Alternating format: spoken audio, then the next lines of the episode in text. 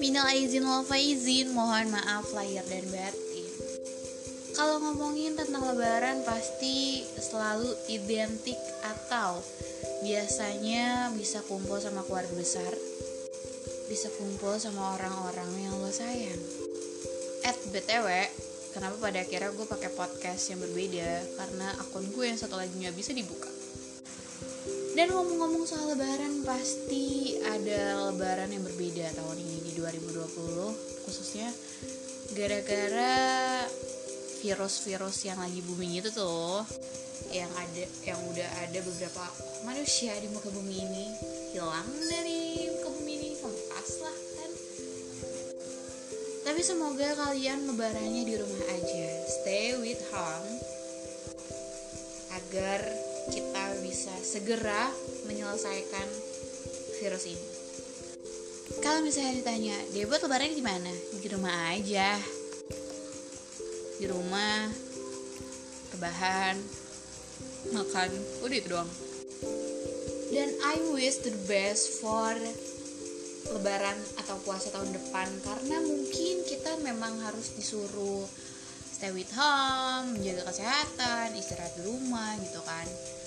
Ataupun buat lo yang pusing dengan tiap tahun tiap lebaran dibilang kapan nikah? Kapan punya pacar? Kok pacarnya nggak dikenalin? Atau yang paling kesel adalah ketika orang udah nikah kapan punya anak? Eh itu paling kesel biasanya ya. Tapi tahun ini mungkin ada pertanyaan itu tapi nggak secara langsung ya kita doain aja semoga covid itu segera pergi dari Indonesia ataupun dari seluruh dunia. Dan buat kamu yang kerja atau kuliah atau apa pun dari rumah semoga kita nggak lumutan. Ya semoga mall ataupun bioskop segera bisa buka ya setelah covid ini. Pasti buat anak-anak now kangen kan bioskop kangen kan jalan-jalan ke mall.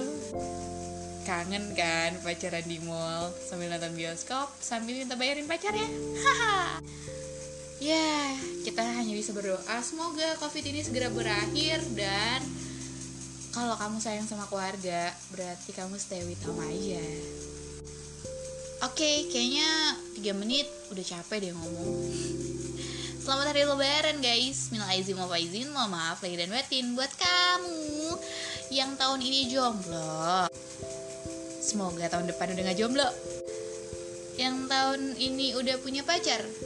Semoga tahun depan dihalalin sama pacarnya.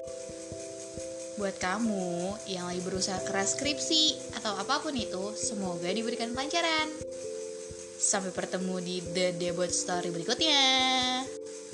Assalamualaikum warahmatullahi wabarakatuh. Jangan lupa di like ya. Atau komen bakal bahas apa lagi, apa yang kamu pengen tahu dari aku. Karena di sini di The Debut Story bercerita tentang kejujuran hati.